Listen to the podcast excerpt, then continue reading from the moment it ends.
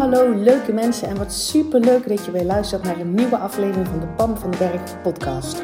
Als jij klaar bent met je kak voelen en moeilijk doen, dan zit je precies op de juiste plek. Uit eigen ervaring weet ik dat je zelf bepaalt hoe het leven aanvoelt.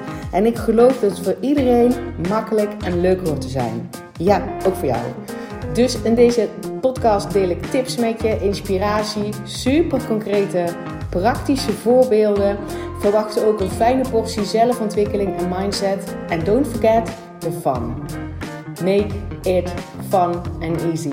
Ik heb er in ieder geval alweer super veel zin in. Enjoy!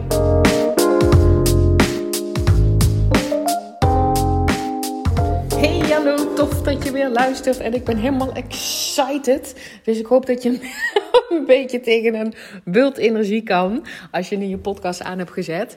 Um, ik heb namelijk net een hele toffe Clubhouse Room gehost. Uh, en Clubhouse is dus een, uh, een ander social media platform um, waar je alleen maar audio, um, audio kunt delen. Dus het, en het is live. Dus, en super interactief. Dus eigenlijk een soort van live podcast, alleen het wordt niet opgenomen. Je kan er niet terugluisteren. Beetje jammer. Maar goed, ik heb net dus een hele toffe uh, room gehost samen met Kiki. En Kiki is een goede vriendin van mij en ook business buddy. Um, en het onderwerp dat Kiki bedacht, dat is iets waar ik dus normaal gesproken eigenlijk niet over praat. Um, en um, ik, ik heb daar zo'n toffe reacties op gekregen. Het is zo'n blinde vlek voor mij. Um, dat, dat blijkbaar mensen daarop aanhaken, blijkbaar mensen daarmee kan inspireren, dat ik da dat eigenlijk um, nooit deel. Dus ik dacht net, hallo, uh, ik weet niet of iemand van mijn podcastluisteraars daar natuurlijk toevallig net bij was. Als je me nog niet veel volgt op Clubhouse, dat kan gewoon hè. Want het is sinds kort, ik geloof sinds vorige week, ook beschikbaar voor Android-gebruikers. Dus het is heel lang alleen maar beschikbaar geweest voor um, iPhone-gebruikers. De, een beetje suf. Maar goed, nou is het dus ook voor Android. En um, uh, je, het is wel nog steeds op uitnodiging. Nou, ik heb nog een paar um, invites over, want die krijg je dan als je rooms host. Dus stuur mij vooral een DM op Instagram als je zegt: Ik wil graag ook een keer bij jouw room zijn. Laat mij even binnen op dat clubhouse. Dat kan gewoon. In ieder geval totdat ik ook geen invites meer heb. Want uh, die raken natuurlijk uh, ook op. Um, dus ik dacht, ik heb gewoon toffe podcastluisteraars. Weet je wel, ik, ik zeg al vaker, het, feit dat ik in jouw oren mag zitten. Terwijl je aan het wandelen bent, of aan het poetsen bent, of aan het, aan het reizen bent, of, uh, of gewoon een chillen bent en met mij in je oren. Ik vind dat zo'n magisch iets. Ik voel me daar zo vet dankbaar voor. Ik heb ook ik, gevoel dat ik met jou, met mijn podcastluisteraars, dus met jou, veel opener deel. En veel meer vanuit mijn gevoel uh, kan delen. Um, dan ik bijvoorbeeld doe op Instagram. En dat heeft puur alleen te maken dat ik gewoon meer tijd heb. Ik bedoel, zo'n Instagram story stopt gewoon na 15 seconden. Ben ik misschien nog een beetje te lang van stof voor? Nee, dat weet ik niet hoor. Maar ik heb echt het gevoel dat ik hier dieper, uh, dieper kan gaan. Um, uh, meer voorbeelden kan geven. Ja, gewoon het wat, wat meer aanzetten, zodat ik, omdat ik het zo, je zo gun dat het tussen jouw oren komt, dat het leven leuker, makkelijker uh, aan kan voelen. En dat je daar zelf in control bent, dat het een vaardigheid of een skill is. Uh, en dan heb ik dan net zo'n zo'n tof, toffe clubhouse room. En dan denk ik, ja, maar nou hebben mijn podcastluisteraars hier nog niet um, hun voordeel mee kunnen doen. Dus ik denk, wacht eens even. Ik voeg het daad bij het woord, zoals dat heet. Ik neem er een podcast over op. Oké, komt-ie. Waar ging die clubhouse room over? Dat is dus samen met Kiki Bakker. Ook echt een heel tof mens om te volgen. Zo heet zij ook op Instagram trouwens. En natuurlijk ook op Clubhouse. Um, en Kiki had die room aangemaakt met als titel... Um, je nooit meer kak voelen... Ook niet als je lichaam het niet doet of zoiets. Ook al doet je lichaam het niet. Zo, zoiets was het. Um, en nou ja, dat kak voelen, dat is natuurlijk iets wat ik roep. Hè? Of, of wat, wat echt een beetje mijn woord is. Je kak voelen in plaats van je KUT voelen... of je ellendig voelen of je zwaar voelen. Je kak voelen. Um, ook als, als je lichaam het niet doet. En dat is dus iets waar ik ja, niet zoveel over praat. Um, en wat Kiki dus nou een super mooi voorzetje gaf. Um, namelijk dat zowel Kiki als ik hebben een diagnose van een chronische ziekte. Kiki heeft de diagnose reuma. Ik heb de diagnose chronisch vermoeidheidssyndroom. en ik deel daar eigenlijk niet zo over, omdat ik me gewoon nul patiënt voel op dit moment. Sterker nog, ik heb het idee dat ik uh, daar dat ik gewoon die ziekte niet meer heb, ook al hè, is die chronisch. Um, ik zie af en toe nog wel wat vlagen in, in mijn, in mijn in, klachten. Die zie ik zeker. En zeker ook hoe ik er dan naar kijk in bepaalde situaties. Dus um, als iemand anders mij daarop test, de medici, dan heb ik het misschien nog wel. Alleen, het is voor mij zo niet meer in mijn, in mijn leven. Ik identificeer me daar niet meer mee. Ik. Um, dus daarom deel ik daar ook niet zoveel over. Het is niet dat het een geheim is. Het is niet dat ik daar, weet je wel, dat niemand dat mag weten. Of dat ik denk, oh, dat moeten ze wel niet van mij denken. Dat ik eigenlijk een chronische ziekte heb. het is voor mij geen big deal meer. Maar het is meer een blinde vlek. Dus ik vond het super mooi dat Kiki die voorzet gaf. En ik dacht, ja, dat is natuurlijk super mooi. En toen kregen we als feedback in de room al terug dat het inspirerend was. Dat wij allebei, als wij mensen ontmoeten of mensen spreken, um, ons dus helemaal niet voorstellen al, en, en daar dus bij zetten van, oh, ik heb een chronische ziekte. Dat, doet Kiki ook niet, dat doe ik ook niet. En dat bleken mensen al inspirerend te, vinden. En toen redelijk ging ik terug in de tijd. Nou, toen ik zelf daar zeg maar middenin zat en ik die diagnose had gekregen. Um, en dat heeft me helemaal overgenomen. Dat, dat, daar ben ik inderdaad ook wel rete eerlijk in. Ik heb zo'n, denk, ja, ik weet niet precies, maar denk zo'n acht jaar de klachten gehad zonder dat de diagnose er was. Um, dus ik heb altijd gedacht dat het aan mij lag en dat ik maar gewoon beter mijn best moest doen. Ik ben over heel veel grenzen heen gegaan. Um, een soort van gevochten. En sowieso was mijn kijk op, het leven, dat weet jij als je natuurlijk mijn podcast luistert, was mijn kijk naar het leven. Hè, van het leven is zwaar, moeilijk en ingewikkeld. Dus ik dacht, ja, dit is gewoon part of the deal. dat het leven zo kut aanvoelt. Oh god, oh god, oh god. Maar goed, ik had dus geen diagnose. En toen ik wel die diagnose had, um, nam het me wel volledig over. Toen was ik die patiënt, toen was ik mijn ziekte. Um, wist ik ook niet hoe ik daar weer uit moest komen. Want toen ging ik ook um, uh, heel gericht op die ziekte de medische molen in. waarin je dus van alle kanten inderdaad hè, ook aangemoedigd klinkt niet aardig, maar wel te horen krijgt van ja, dit is chronisch. En chronisch is nou eenmaal een stempel, gaat niet meer weg. Weet je wel? Leren maar mee leven. Chronisch is leren maar mee leven. um, en daar, daar heb ik ook zeg maar aan meegewerkt in mijn brein. Van oké, ik moet dus een manier zien te vinden om, om hiermee te dealen. Um, dus ik deel daar inderdaad niet meer zo over. Maar dat bleek dus al inspirerend te zijn. Dat eh, stel je voor dat je dus een chronische ziekte hebt, dat je dat, dat dat gewoon al niet meer in je opkomt. Bij mij komt het dus gewoon niet in me op dat ik dat deel aan mensen. Um, terwijl het geen geheim is en ik me nou ook niet voor schaam. Dat is niet zo. Maar het, het, het komt niet helemaal op. Het, het, is, het is maar een minuscuul onderdeel van mijn leven. Dat is het eigenlijk. En hoe cool is het dat door die room van Kiki... Um, dat dat al zo duidelijk naar voren kwam. En uh, Kiki heeft natuurlijk haar eigen verhaal um, met hoe ze met haar ziekte omgaat. En, uh, en ik ook. En um, ja, dat dat inspirerend is. Dat ja, dat besef, heb ik, ben ik dus nu pas eigenlijk aan het beseffen. En Kiki heeft het al vaker tegen mij gezegd hoor. Ze zegt, Pam, daar kan je echt mensen mee helpen. En ik denk, echt niet. Want als ik denk naar hoe ik was toen ik midden in die ziekte stond. Ik was niet te helpen. Snap je wat ik daarmee bedoel? Ik stond niet open voor hulp. Ik was aan het survivalen. Ik was aan het vechten. Ik was aan het overleven.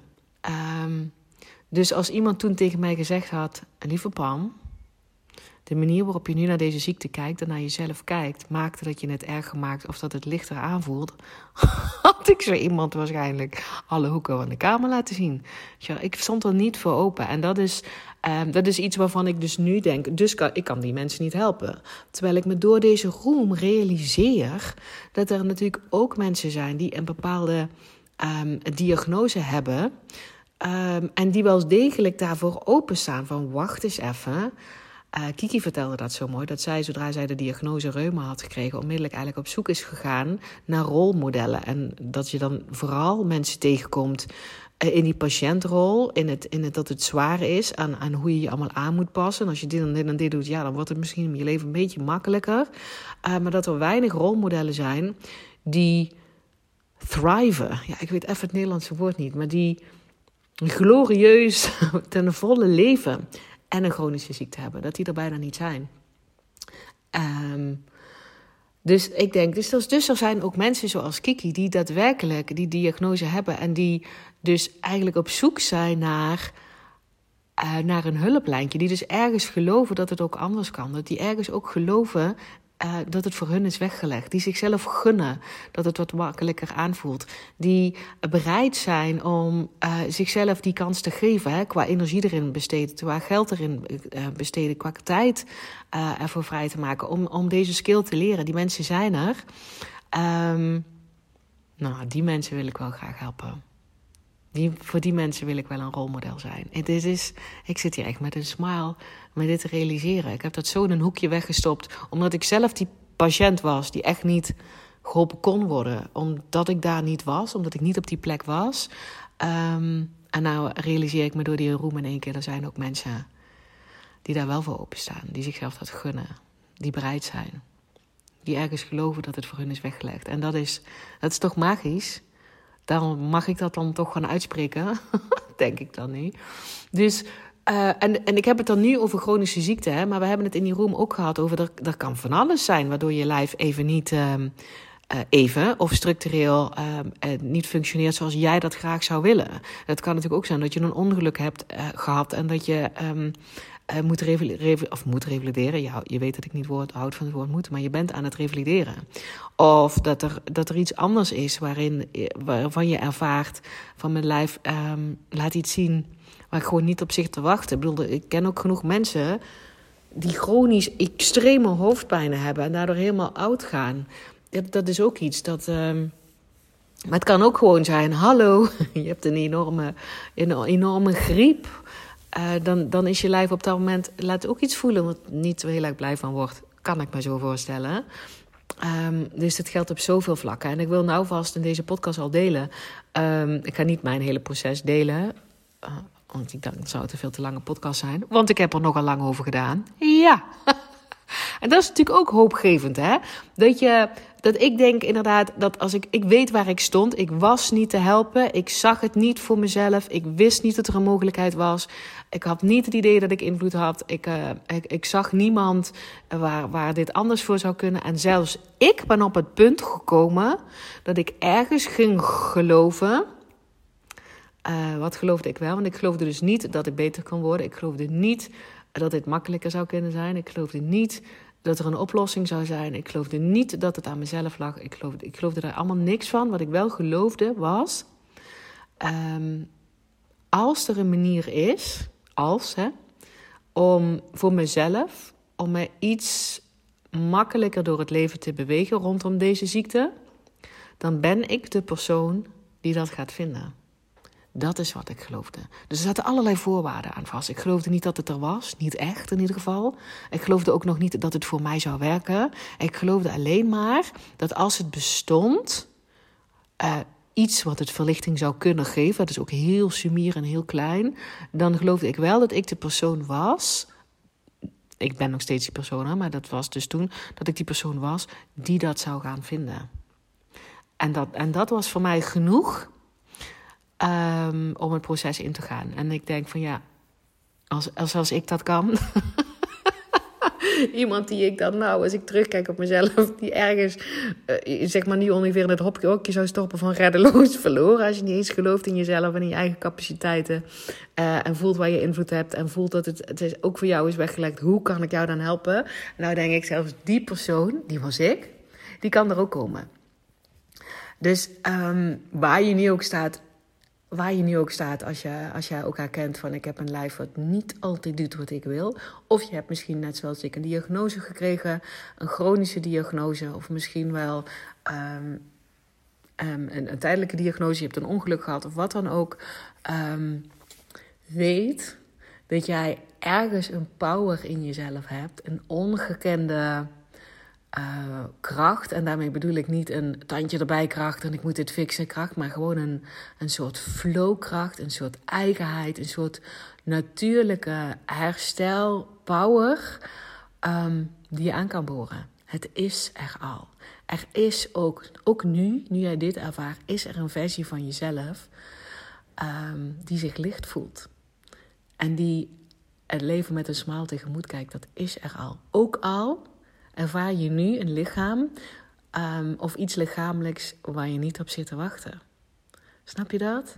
Dat bestaat. En daar hoeven niet eerst allerlei dingen voor geshift te zijn. Daar hoef je niet eerst pijnvrij te zijn. Daar hoef je niet eerst, zoals ik, um, weer overdag wakker te kunnen blijven. Daar hoef je niet eerst, weet ik veel, een maatje 36 te passen. Ik noem maar iets, als dat iets is waar je, waar je mee zit. Dat hoeft niet. Je hebt die power in je. En, en die, wil ik, die wil ik je zo graag um, laten zien met een spiegel. Met het, het voorleven. Um, dus ik voel me enorm dankbaar voor deze Clubhouse Room die er was. Dat ik me in één keer realiseerde, wacht eens even. Dit is iets wat voor mij nu ondertussen zo vanzelfsprekend is... dat ik daar een blinde vlek voor heb. Um, dat het iets is waar ik mensen mee kan inspireren. Dus... Oké, ik zal even delen hoe ik uiteindelijk. Hè, dus je weet waar, wat mijn vertrekpunt was. Ik was niet te helpen. Ik geloofde niet dat, dat ik beter kon worden. Ik geloofde ook niet in dat er, een, um, dat er iets was wat echt eh, kon werken voor mij. Het was alleen maar als er bestaat iets. Uh, als er iets bestaat ergens ter wereld wat het ook maar iets lichter zou kunnen maken, ben ik wel de persoon die het gaat vinden. Ook nog niet dat ik het dan daadwerkelijk ook kon toepassen in mijn leven. Hè? Dat was er allemaal niet. Maar daar is mijn zoektocht, uh, mijn vindtocht begonnen. Ik hou helemaal niet van zoeken. Um, maar toen was ik echt wel aan het zoeken. Nu, uh, uh, nu vind ik lieve dingen. ik vind lieve dingen dan dat ik zoek.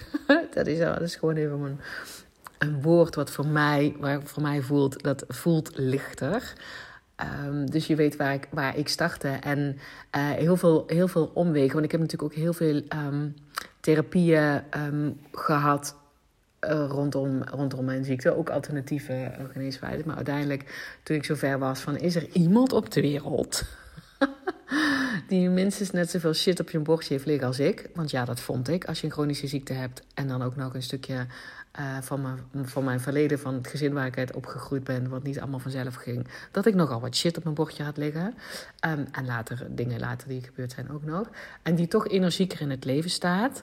Want dat was mijn grootste euvel met mijn chronische ziekte. Chronisch vermoeidheidssyndroom betekent dat mijn voornaamste klacht was dat ik, dat ik niet wakker kon blijven. Dat ik nul energie had. Er zaten ook kleine pijnklachten bij. En er zaten ook concentratieklachten bij. En, en zoals het met elke chronische ziekte gaat, volgens mij hoor. Maar iedereen die ik gesproken heb met een chronische ziekte, zijn die klachten er niet continu en ook niet continu even heftig. Dus het is een beetje um, een komen en gaan. Uh, wat was ik nou aan het vertellen? oh, ik weet het niet meer. Um, maar da, ja, daar, waar, waar ik dan inderdaad stond. Um, en toen dacht ik, ja, die mensen bestaan wat doen die dan? Ja, wat doen die dan? Ja, en toen kwam dat hele stuk van persoonlijke ontwikkeling. Maar nogmaals, ik was heel sceptisch. Ik was heel erg, ik geloofde het niet echt. En ik geloofde het zeker niet voor mezelf. En ik dacht dat je daardoor, dat ik daar een stuk oude identiteit van mezelf, wat me hier gebracht had, moest loslaten. een stukje van mijn, um, mijn analytisch vermogen, mijn, mijn, mijn feitenkennis en mijn, mijn um, ja, vooral mijn intelligentie. Ik denk dat ik me een heel groot stuk identificeerde met mijn intelligentie. Um, Hè, het, het, het feit, het zwart-wit, ik ben technisch opgeleid, heb ik denk ook wel eens verteld. Dus dat ik dat los moest laten en dat ik daar niet bereid toe was. Dat ik dacht, ja, dat is niet slim. Dan ben ik helemaal reddeloos verloren. Hè, dus vanuit angst ben ik dat pad um, opgegaan. Um, en wat ik ondertussen geleerd heb, is, um, ja, de, is een mindset shift om naar te kijken. Ik ervaar nu ook nog wel eens uh, die vermoeidheidsklachten. En ik herken dan bijvoorbeeld, hadden we het net met de room ook over. Ik herken dat ik dan alsnog de neiging heb om er verklaringen voor te vinden. Van wat heb ik dan nou gedaan afgelopen dag of, of afgelopen week, waardoor ik nou zo moe ben? Ja, het zal wel door de menstruatie komen. Of omdat ik friet heb gegeten, of omdat ik een te zware training heb gehad, of ik te druk ben geweest, of weet ik veel wat. Altijd op zoek naar een verklaring. En die herken, herken ik dus van destijds toen ik die ziekte uh, volledig leefde, dat ik die verklaringen constant aan het vinden was, omdat ik dacht van als ik eenmaal weet wat dit dan is geweest, dan ga ik dat voorkomen en dan gebeurt het me niet meer. En het enige wat je daarmee doet, is jezelf ontzettende, ik legde mezelf daar ontzettende restricties mee op. Dus bijvoorbeeld elke keer als ik dan een hardlooptraining inging, dacht ik, ik moet wel heel voorzichtig doen. Want als ik te diep ga, dan uh, kan, lig ik daarna weer drie dagen in bed. Of ik moet maar niet meer friet eten. Ja, friet is een voorbeeld hoor. Kiki noemde die toevallig, maar daar heb ik nooit over nagedacht. Maar wel van, ik heb te slecht gegeten. Of... Uh, Ehm, eh, en ik heb het ook extreem gekoppeld aan mijn, aan mijn menstruatie. Nou, dan kan ik je wel vertellen wat er gebeurt. Ehm, die menstruatie, ik weet niet hoe het bij jou zit, maar bij mij kwam die natuurlijk elke keer terug. en ik ging al een soort van verwachten en een soort schrap zetten voor die klachten die dan daarbij gingen komen. Want ja, dan was het altijd erger.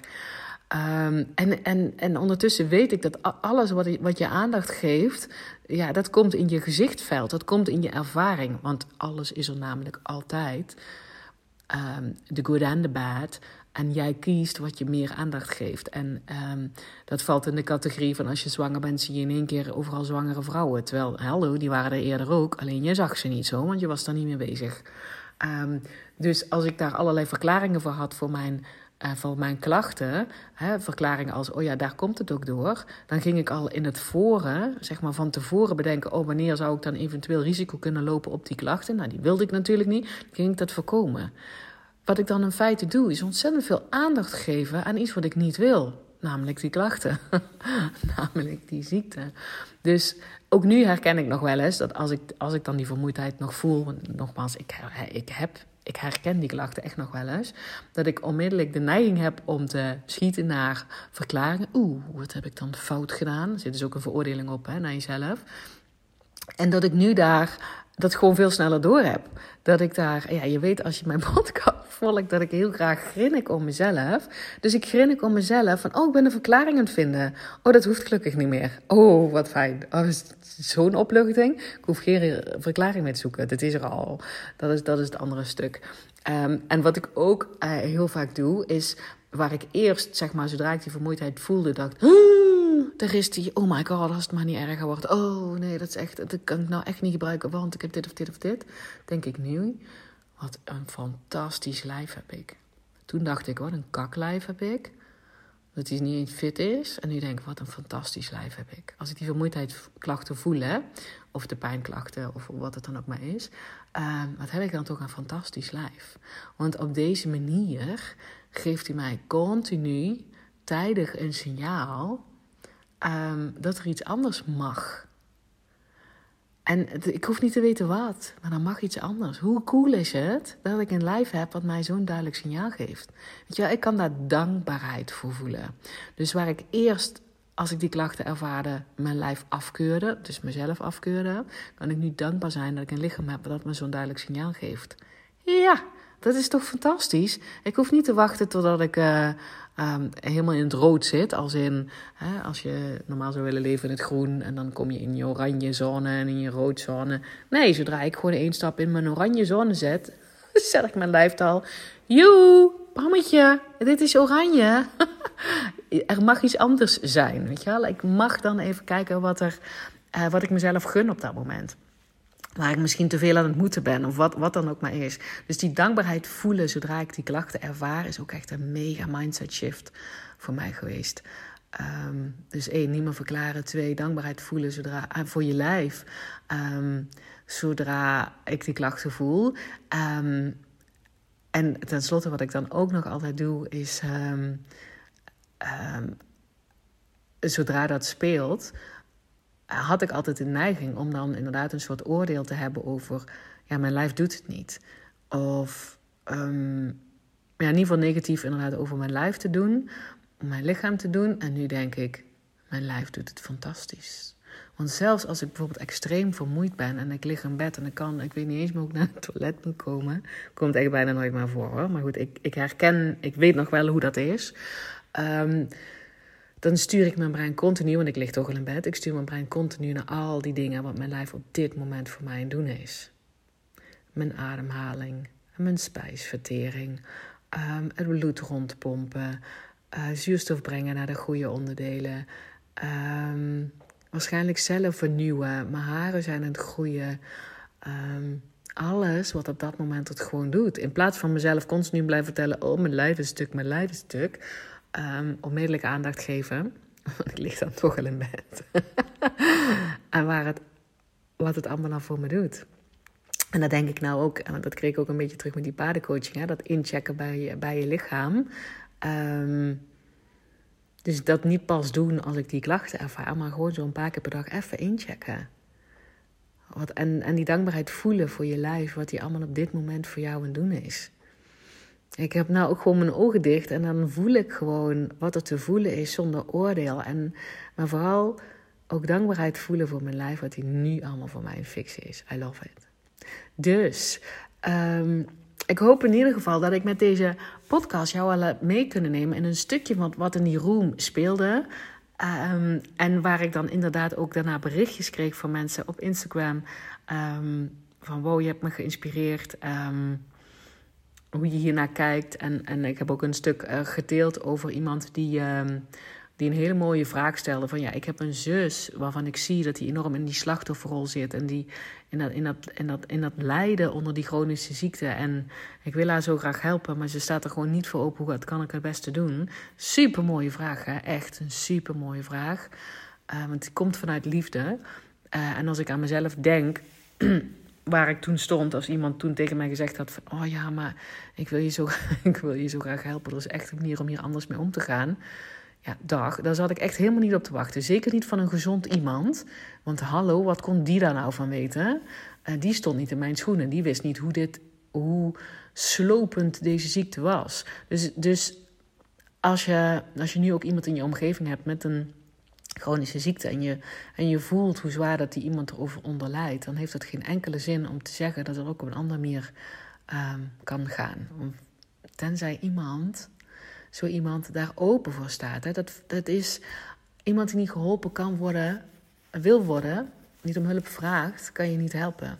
En als je je dan toch machteloos voelt, um, want dat is dan vaak het gevoel, hè, zeker als iemand heel dichtbij je staat. Dit was een zus, Um, die je dan zo graag de wereld gunt en ziet dat ze zelf daar niet voor open staat. Wat je dan toch kan doen, is of je nou wel of niet contact met zo iemand hebt. Maar elke keer als je aan iemand denkt, met oh, ze doet zichzelf tekort en ze, uh, die ziekte dat is zo zwaar voor haar. En, oh, oh, en ik wou dat haar kan helpen, maar dat kan niet. En dan komen allemaal voorbeelden in je hoofd wat je geprobeerd hebt, met wat zij dan terug gedaan heeft. Of er komen voorbeelden in je hoofd waarvan je denkt, oh ja, daar houdt ze zichzelf echt patiënt. En, um, dat je dat gewoon door hebt van jezelf. Um, jezelf daar niet om veroordelen. Het komt vanuit liefde, deze gedachtegang. It's all good.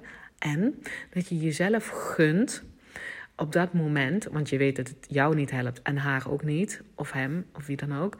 Um, dat je jezelf gunt, dat je je fijner voelt. En dat doe je door die persoon waar je dus veel om geeft, in, in zijn of haar volle potentieel te zien. Je weet hoe, hoe, hoe hij of zij zich kan voelen. Je weet waar die blij van wordt. Je weet hoe die lacht. Je weet hoe die kan bewegen. Dat volle potentieel voor je zien. En dus ook ergens um, in die persoon zien, ook al zie je hem niet letterlijk, hè, maar gewoon in je verbeelding dan, ook die power waar ik aan het begin van deze podcast over had. Die power van heling, die power van um, je ergens overheen komen, lessen, lessen ervan leren, um, uh, groeipower, die vertrouw dat, je, dat die ook in die persoon zit. En dat zodra hij of zij er klaar voor is, die altijd aan kan boren. That's it. That's it. Zie zo iemand in het volle potentieel. En, en zonder dat je dus ook iemand probeert te helpen door um, dingen van ze over te nemen. Want daarmee, hè, zo heb ik dat ook ervaren. Dat ervaar ik nu bijvoorbeeld als mensen heel veel mij willen helpen. Door dingen uit mijn handen te nemen. Het is een beetje onbewust wat je daarmee doet. En dat is vanuit, vanuit liefde dat je dat doet. Hè? Maar daarmee zeg je eigenlijk dat die patiënt, en ook even tussen aanhalingstekens, want ik geloof niet, ik vind dat geen fijn woord, het niet zelf kan. Als, dan geef je hem of haar niet het vertrouwen dat alles wat hij nodig heeft al in zich zit. Um, dus je helpt iemand door er te zijn. En bijvoorbeeld als iemand weer een nieuwe therapie ingaat, want geloof me, ik heb ze ook allemaal gedaan. En jij denkt, oh, daar gaat ze weer. dat je denkt, oh, ik gun je dat dit brengt wat jij, um, wat jij zo graag wil. Want ik geloof dat er alles gewoon in jij is om voor jou te vinden, zodat dit voor jou fijner kan, kan, kan worden. Punt. Dus geen oordeel, geen, volgens mij doe je het niet goed, geen, volgens mij valt het van mee, geen, het is ook verschrikkelijk voor je. Hè? Maar puur blijven bij wat gun je die ander. Namelijk dat hij zich fijn voelt en het vertrouwen uitspreken.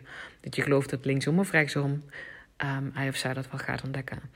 Um, En als je geen contact met, met zo iemand hebt, dat kan ook. Hè? Dus ook gewoon op ander tijdstip, weet ik veel. Je stapt in je auto en je gaat boodschappen doen. En, en, je, en je merkt op dat je in je hoofd um, over die persoon denkt die dan die, dan die ziekte heeft. Of, of die in een patiëntrol wentelt.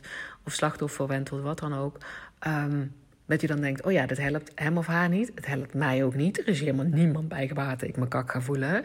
Uh, wat kan ik wel doen, is uh, zo iemand voor je stellen in het volle potentieel. En ik geloof ook nog heel erg uh, in, in, in energie. Hè, dat, je dat, dat dat is dan wat je uitstraalt. En uh, of die ander dan nou klaar is om te ontvangen of niet, jij straalt het in ieder geval uit.